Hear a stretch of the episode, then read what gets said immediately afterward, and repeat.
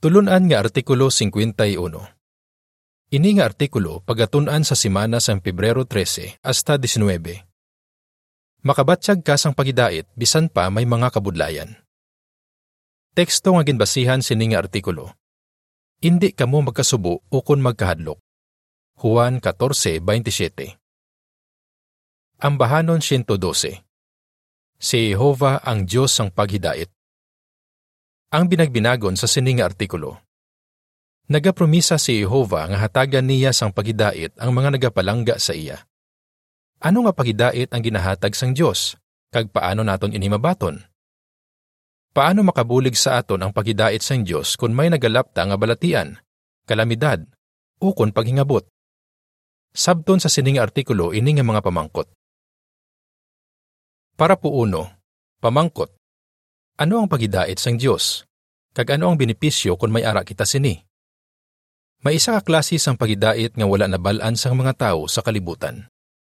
Amo ini ang pagidait sang Dios o kun ang kalinong sa hunahuna bangod may hamili kita nga kaangtanan sa aton amay sa langit.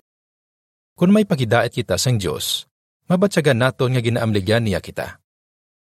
Ang Filipos 4:6 kag 7 nagasiling. Indi kamo magkabalaka sa bisan ano nga butang, kundi sa tanan nga butang paagi sa pangamuyo kag pagampo nga may pagpasalamat, ipahibalo sa Dios ang inyong mga pangabay. Kag ang pagidait sang Dios nga labaw sa tanan nga paghangop, magabantay sang inyo tagipusoon kag ikasarang sa paghunahuna paagi kay Kristo Hesus. May suod kita nga kaangtanan sa iban nga nagapalangga man sa iya, kag suod kita sa Dios ang paghidait. Unang Tesalonika 5:23. Kung kilala naton ang aton amay, kung nagasalig kita sa iya, kag kung ginatuman naton siya, mapakalma kita sang pagidait sang Dios kung makaeksperyensya kita sang mabudlay nga mga sitwasyon. Para po dos, pamangkot.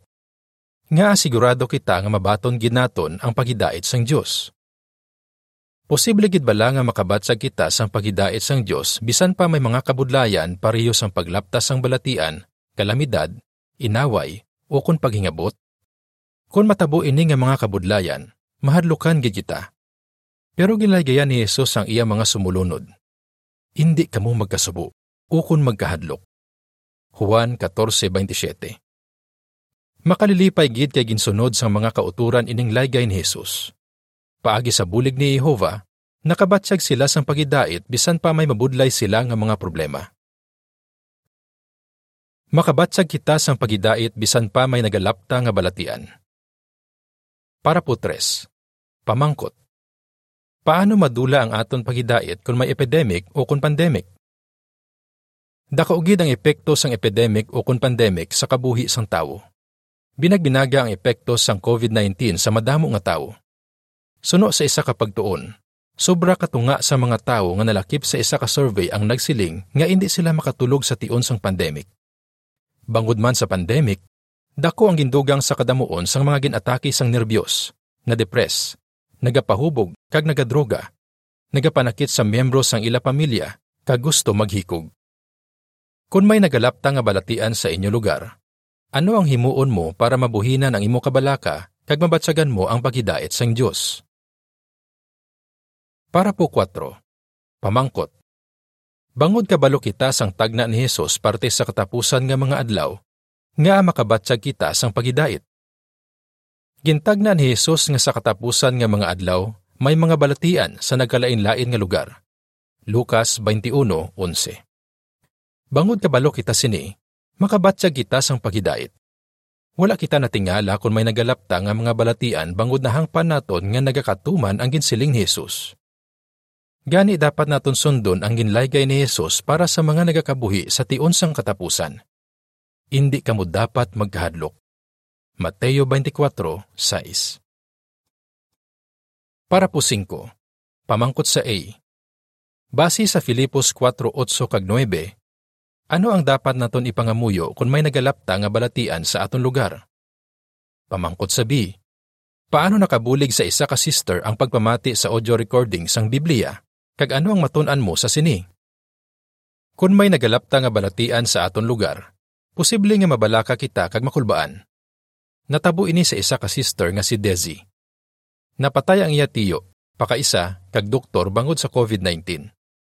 Bangod sini, nabalakas siya nga basi magmasakit man siya kag malatnan niya ang iya tigulang na nga iloy. Nabalaka man siya nga basi madulaan siya sang obra. Gani nagapalibog siya kung diin siya mangita sang inugbakal sang ila pagkaon kag inugbayad sa arkila sa balay. Grabe gid ang iya kabalaka, gani indi siya makatulog. Pero nakabatsyag liwat sang pagidait si Desi. Paano? Nangamuyo siya kay Jehova nga buligan siya nga mangin kalmado kag maghuna-huna sang maayo nga mga butang. Ang Filipos 4:8 kag 9 nagasiling. Sa katapusan, mga kauturan, padayon ninyo nga huna-hunaa ang bisan anong nga butang nga matuod, seryoso, matarong, matinlo, hiligugmaon, dungganon, maayo, kag dalayawon. Himuan ninyo ang mga butang nga inyo natun-an, nabaton, nabatian, kag nakita sa akon, kag ang Dios ang pagidait mangin kaupod ninyo. Ginapamatian niya si Jehova paagi sa pagpamati sa audio recording sang Biblia. Nagsiling siya, ang makapaumpaw nga tingog sa mga nagabasa nagapakalma sa akon, kag nagapahanumdum sa akon nga indi ako pagpabahian ni Jehova. Ang kapsyon sang picture nagasiling. Makabulig ang pagpamati sa audio recording sang Biblia para mangin malinong ang imo huna-huna kung may nagalapta nga balatian. Para po size, pamangkot. Paano makabulig sa imo ang personal nga pagtuon kag ang pag-attend sa mga meeting? Kung may nagalapta nga balatian, maapektuhan gid ang aton regular nga mga ginahimo. Pero panikasugi nga indi ini makaapekto sa imo personal nga pagtuon o kung pag-attend sa mga meeting. Makita sa aton mga publikasyon kag mga video ang mga eksperyensya sang aton mga kauturan nga pareho sa imo ang sitwasyon, kag mapaligon kagid sa ila katutom. Ang mga meeting naman makabulig sa imo nga huna-hunaon ang makapaligon nga mga impormasyon sa Biblia. Paagi sa mga meeting, mapaligon ka sang iban, kag may kahigayunan ka nga paligunon man sila. Kung pamalandungan mo kung paano ginbuligan ni Jehova ang iya mga alagad nga nagamasakit, nakulbaan, o kung nasubuan, magabakod ang imo pagtuo kag pagsalig nga buligan ka maniya. Para po siyete, pamangkot. Ano ang matun-an mo kay Apostol Juan? Panikasugi nga maistorya mo ang imo mga kauturan. Kung may nagalapta nga balatian, posible nga kinahanglan naton magdistansya sa iban. Posible nga dapat naton inihimuon bisan pa mga kauturan naton ang kaupod naton. Sa sini nga mga sitwasyon, posible nga mabatsagan mo ang ginbatsyag ni Apostol Juan. Gusto niya nga makita sa personal ang iaabyan nga si Gayo. Pero nahangpan ni Juan nga hindi pa ini posible. Pero pwede niya sulatan si Gayo. Gani amo ini ang ginhimo ni Juan. Kung hindi posible ang pagbisita sa imo mga kauturan, panikasugi nga tawgi sila sa telepono, mag-video call sa ila, o kung mag-text sa ila. Kung permi mo ginaistorya ang imo mga kauturan, mabuhina ang imo kasubo kag mangin kalmado ka. Kunta ka ang mga gulang kung grabe ang imo kabalaka. Palangga kanila, gani pamatii ang ila mga pagpaligon. Makabatsag kita sang pagidait bisan pa may kalamidad. Para po utso. Pamangkot. Paano madula ang imo pagidait kung may kalamidad? Kung nahalitan ka sang baha, linog, o kung sunog, posible nga grabe gid ang imo kabalaka sa sulod sang malawig nga tion. Kung may napatay sa imo mga pinalangga, nawasak ang imo balay, o kung naguba ang imo mga pagkabutang, posible nga nasubuan ka gid, nadulaan sang paglaom o kung naakig pagani. Pero hindi ibot silingon sini nga materialistiko ka o kung kulang ang imo pagtuo. Nahangpan sang iba ang imo nabatsagan, magun mabudlay gid ang problema nga imo na eksperyensyahan. Pero makabatsag kagihapon sang pagidait bisan sa mabudlay nga mga sitwasyon. Paano? Para po 9. Pamangkot. Ano ang ginsiling ni Jesus nga makabulig sa aton nga manginhanda sa mga kalamidad? Dumduma ang gintagna ni Jesus. Wala naton ginailog ang pila ka tawo nga nagahuna-huna nga indi gid sila maapektuhan sang kalamidad. Kabalo kita nga magadamo pagid ang kalamidad sa aton tion subong, kag posible gid nga maapektuhan kita sang pila sini. Ginsilingan ni Jesus ang iya mga sumulunod nga antes mag-abot ang katapusan, matabo ang mabaskog nga mga linog, kag ang iban pa nga mga kalamidad. Lucas 21:11 Nagtagna man siya nga magadamo ang kalautan. Makita naton inisubong sa mga krimen, kasingki, kag pag-atake sa mga terorista.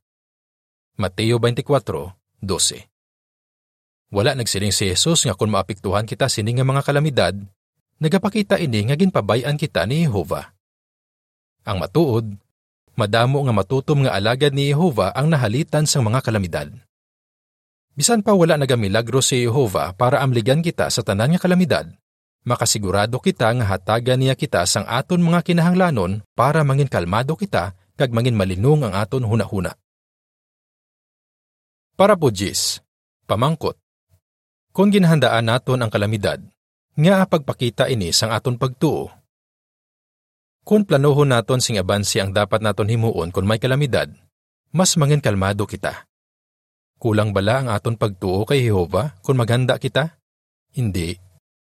Kung ginahandaan naton ang kalamidad, ginapakita naton nga nagatuo kita nga ati niya kita. Nga masiling naton ini. Ginalagayan kita sang pulong sang Dios nga dapat naton handaan ang mga kalamidad. Ang hulubaton 22.3 nagasiling. Makita sang tao nga maalamon ang katalagman kag nagapanago siya. Apang ang kulang sing kinaalam, nagadaritso lang kag nagaantos sang malain nga resulta. Kag paagi sa mga artikulo sa mga magasin, sa mga meeting sang kongregasyon, kag sa mga pahibalo, sulit-sulit kita nga ginapalig-on sang organisasyon sang Dios nga handaan ang mga kalamidad. Nagasalig bala kita kay Jehova? Kung oo, tumano naton ang ginapahimo niya sa aton subong gidayon. Hindi na naton paghulaton ang kalamidad antes pa kita maghanda. Para po unsi, pamangkot. Ano ang matunan mo sa halimbawa ni Margaret? Binagbinaga ang eksperyensya sang isa ka sister nga si Margaret. Ginsilingan siya sang mga opisyal nga magbakwit kay nasunog ang kagulangan malapit sa ila lugar. Bangod nagdulungan ang mga nagbakwit, madamo nga salakyan ang ara sa dalan kag hindi sila makahalin. Napalibutan sila sang maitom nga aso kag hindi makagawa si Margaret sa iya salakyan. Pero wala siya maano kay nakahanda siya. May mapa siya sa iya bag nga makatudlo sa iya sang lain nga dalan pagwa sa ila lugar. Gintestingan na niya sadto nga mag-agi sa sini nga dalan para kabalo siya kung diin siya maagi kung may emerhensya. Bangod sang paghanda ni Margaret, naamligan niya ang iya kabuhi. Ari ang paathag sa picture nga gingamit para sa parapuonsi. Nagahanda sing abansi ang isa ka sister kung paano magbakwit. Ang caption sini nga picture nagasiling. Kung nahandaan mo sing abansi ang kalamidad, maamligan mo ang imo kabuhi. Para po 12. Pamangkot. Nga dapat naton tumanon ang mga instruksyon nga makaamlig sa aton kabuhi para amligyan kita kag ang iban. Posible nga silingan kita sang mga opisyal nga dapat naton sundon ang ginapatuman nila nga curfew. Dapat kita magbakwit o kung dapat naton sundon ang iban pa nila nga mga instruksyon. Wala ini ginasunod sang iban o kung nagapabuyan-buyan sila bangod hindi nila gusto bayaan ang ilang mga pagkabutang. Ano ang dapat naton himuon? Amo ini ang ginasiling sa aton sang Biblia. Tungod sa Ginoo magpasakop kamo sa tanan nga awtoridad nga ginhimo sang tawo. Sa hari man subong pinakamataas nga awtoridad ukon sa mga gobernador nga ginpadala niya. Unang Pedro 2:13 14. Ginahatagan man kita sang organisasyon sang Dios sang mga instruksyon para maamligan ang aton kaugalingon. Permi kita ginapahanomdom nga ihatag naton sa mga gulang ang aton pinakabag-o nga contact number kag address para makontak nila kita kung may emerhensya. Nahimo mo na bala ini? Posible nga makabaton man kita sa instruksyon kung bala magpabilin lang kita sa aton balay o kung dapat kita magbakwit, kung paano kita makakuha sa aton mga kinahanglanon o kung kung paano kag o naton buligan ang iban. Kung hindi naton ini pagtumanon, posible nga mabutang sa peligro ang aton kabuhi kag ang kabuhi sa mga gulang. Tandai nga ginabantayan kita sining matutom nga mga lalaki. Nagsiling si Margaret. Kumbinsido ako nga ang pagtuman sa instruksyon sang mga gulang kag sang organisasyon amo ang nagluwas sa akon. Para po 13. Pamangkot. Ano ang nakabulig sa madamo nga kauturan nga naghalin sa ila lugar para maging malipayon gihapon sila kag maging malinong ang ila huna-huna? Madamo nga kauturan ang naghalin sa ila lugar bangod sang kalamidad o kun inaway. Pero ginhimo nila ang ila bugos nga masarangan nga maka-adjust sa ila bag-o nga sitwasyon kay ginhimo nila dayon ang mga hilikoton sa pag-alagad kay Jehova. Pareho sa mga Kristiyano sang una nga naglinapta bangod sang paghingabot, padayon nila ang ginabantala ang maayong balita sang pulong sang Dios. Binuhatan 8:4. Nabuligan sila sang ila pagbantala nga magpuko sa ginharian imbis nga sa ila mabudlay nga sitwasyon. Bangod sini, malipayon gihapon sila kag malinong ang ila hunahuna. Makabatsag kita sang pagidait bisan pa may paghingabot. Para po 14. Pamangkot. Paano madula ang aton pagidait kung may paghingabot? Kung hingabuton kita, posible nga hindi na naton mahimo ang madamo nga hilikoton nga nagabulig sa aton nga mangin kalmado. Nalipay gid kita kung hilway kita nga makatipon kag makabantala. Gusto man naton nga himuon ang aton regular nga mga hilikoton nga wala ginakulubaan nga basi dakpon kita. Pero kung hindi na naton ini mahimo, posible nga mabalaka kita kag makulbaan. Normal lang nga mabatsagan naton ini. Pero dapat kita maghalong. Nagsiling si Jesus nga posible maguntat sa pag-alagad ang iya mga sumulunod bangod sa paghingabot. Ano ang himuon naton para makabatsag kita sang pagidait bisan pa ginahingabot kita? Para po 15. Pamangkot. Nga hindi kita dapat mahadlok sa paghingabot. Ginasilingan kita sang pulong sang Dios. Ang tanan nga luyag magkabuhi nga may Dios nun nga debosyon, may kaangtanan kay Kristo Jesus, pagahingabuton man. Ikaduhang Timoteo 3.12 Nabulayan ang isa ka brother nga si Andre nga patihan ini. Sang gindumilian ang aton hilikoton sa ila pungsod, daw hindi siya magpati nga hingabuton gid ang tanan nga alagad ni Jehova. Nagsiling siya. Kadamo gid sang saksi diri sa amon paano kami tanan madakop sa mga opisyal sang gobyerno. Pero imbes nga maglinong ang hunahuna ni Andre, permi siya ginakulbaan. Lain naman ang panghunahuna sang iba niya kauturan. Nagsalig sila kay Jehova kag wala nila ginhunahuna nga indi gid sila pagdakpon. Kabalo sila nga posible gid nga dakpon sila. Pero wala sila nagakabalaka sing sobra pareho kay Andre. Gani ilog ni Andre ang ila pangunahuna kag nagsalig siya sing bugos kay Jehova. Bangod sini, Nangin malinong ang iya huna-huna, kag malipayon siya bisan pa may mga kabudlayan. Pwede man ini matabo sa aton. Nagsiling si Jesus nga hingabuton kita, pero ginpasalig man niya nga masarangan naton nga magpabilin nga matutom. Ang Juan 15.20 nagasiling, Dumduma ang ginsiling ko sa inyo. Ang ulipon inilabaw sa iya agalon. Kung ginhingabot nila ako, hingabuton man nila kamo. Kung gintuman nila ang akon pulong, Tumanon Manila ang inyo pulong. Ang Kapitulo 16, versikulo 33 nagasiling. Ginsugid ko ini sa inyo agud paagi sa akon may paghidait kamo. Sa kalibutan may kapipitan kamo. Apang magpakabakod kamo, nadaog ko ang kalibutan. Para po 16. Pamangkot. Ano nga mga instruksyon ang dapat naton tumanon kung may paghingabot? Kung dumilian ang aton hilikoton, posible nga makabaton kita sa mga instruksyon halin sa branch office kag sa mga gulang. Mga instruksyon ini para maamligyan kita, para masigurado nga padayon kita nga makabaton sang espiritual nga pagkaon, kag para buligan kita nga makapadayon sa pagbantala. Panikasugi nga tumana ini nga mga instruksyon bisan pa daw wala mo ini nahangpan sing maayo. Kag may nabalaan ka nga mga impormasyon parte sa aton mga kauturan o kung parte sa mga hilikoton sang kongregasyon hindi mo gid ini dapat pag-isugid sa iban nga hindi dapat makabalo sini. Para po 17. Pamangkot. Pareho sa mga apostoles ang unang siglo, ano ang gusto naton nga padayon nga himuon? Ang isa sa pangunang rason kung nga nagapakig-away si Satanas sa katawan sang Dios, amo ang ila pagpanaksi tuhoy kay Hesus. Bugna 12:17. Hindi ka dapat mahadlok kay Satanas kag sa iya kalibutan kung nagabantala kita kag nagatudlo sa iban bisan pa may pagingabot, mangin malipayon kita kag mangin malinong ang aton hunahuna. Sang unang siglo, ginsugo sang mga opisyal sa mga Hudiyo ang mga apostoles nga maguntat sa pagbantala. Pero matutom sa Dios ang mga apostoles, gani siya ang ila gintuman. Padayon sila nga nagbantala, gani nalipay gid sila. Kung ginadumilian ang aton hilikoton, dapat kita maghalong kung nagabantala. Pero kung himuon nato ng aton bugos nga masarangan, makabatyag kita sang pagidait bangod kabalo kita nga nalipay sa aton si Jehova kag nabantala naton sa iban ang mensahe nga makaluwas sang kabuhi.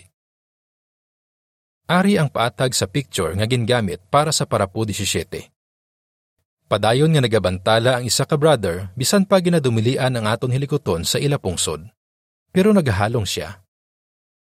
Ang caption sini nga picture nagasiling.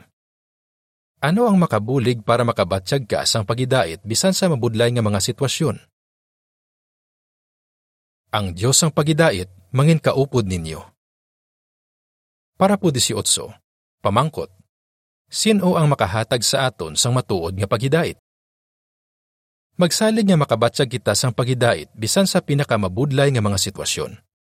Sa sini nga mga sitwasyon, dapat naton dumdumon nga kinahanglan naton ang pagidait sang Dios. Ukon ang pagidait nga si Jehova lang ang makahatag. Magsalig sa iya kung may nagalapta nga balatian, kalamidad, ukon paghingabot. Hindi magpalayo sa iya organisasyon.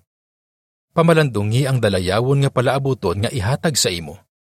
Kung imuon mo ini, ang Diyos ang pagidait mangin kaupod mo. Filipos 4.9 Sa masunod nga artikulo, binagbinago naton kung paano naton mabuligan ang aton mga kauturan nga may mga problema para mabatsagan nila ang paghidait sang Diyos.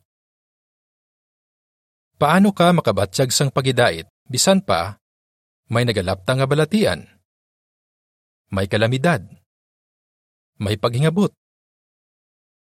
Ambahanon 38 Pabakuron kaniya Diri natapos ang artikulo.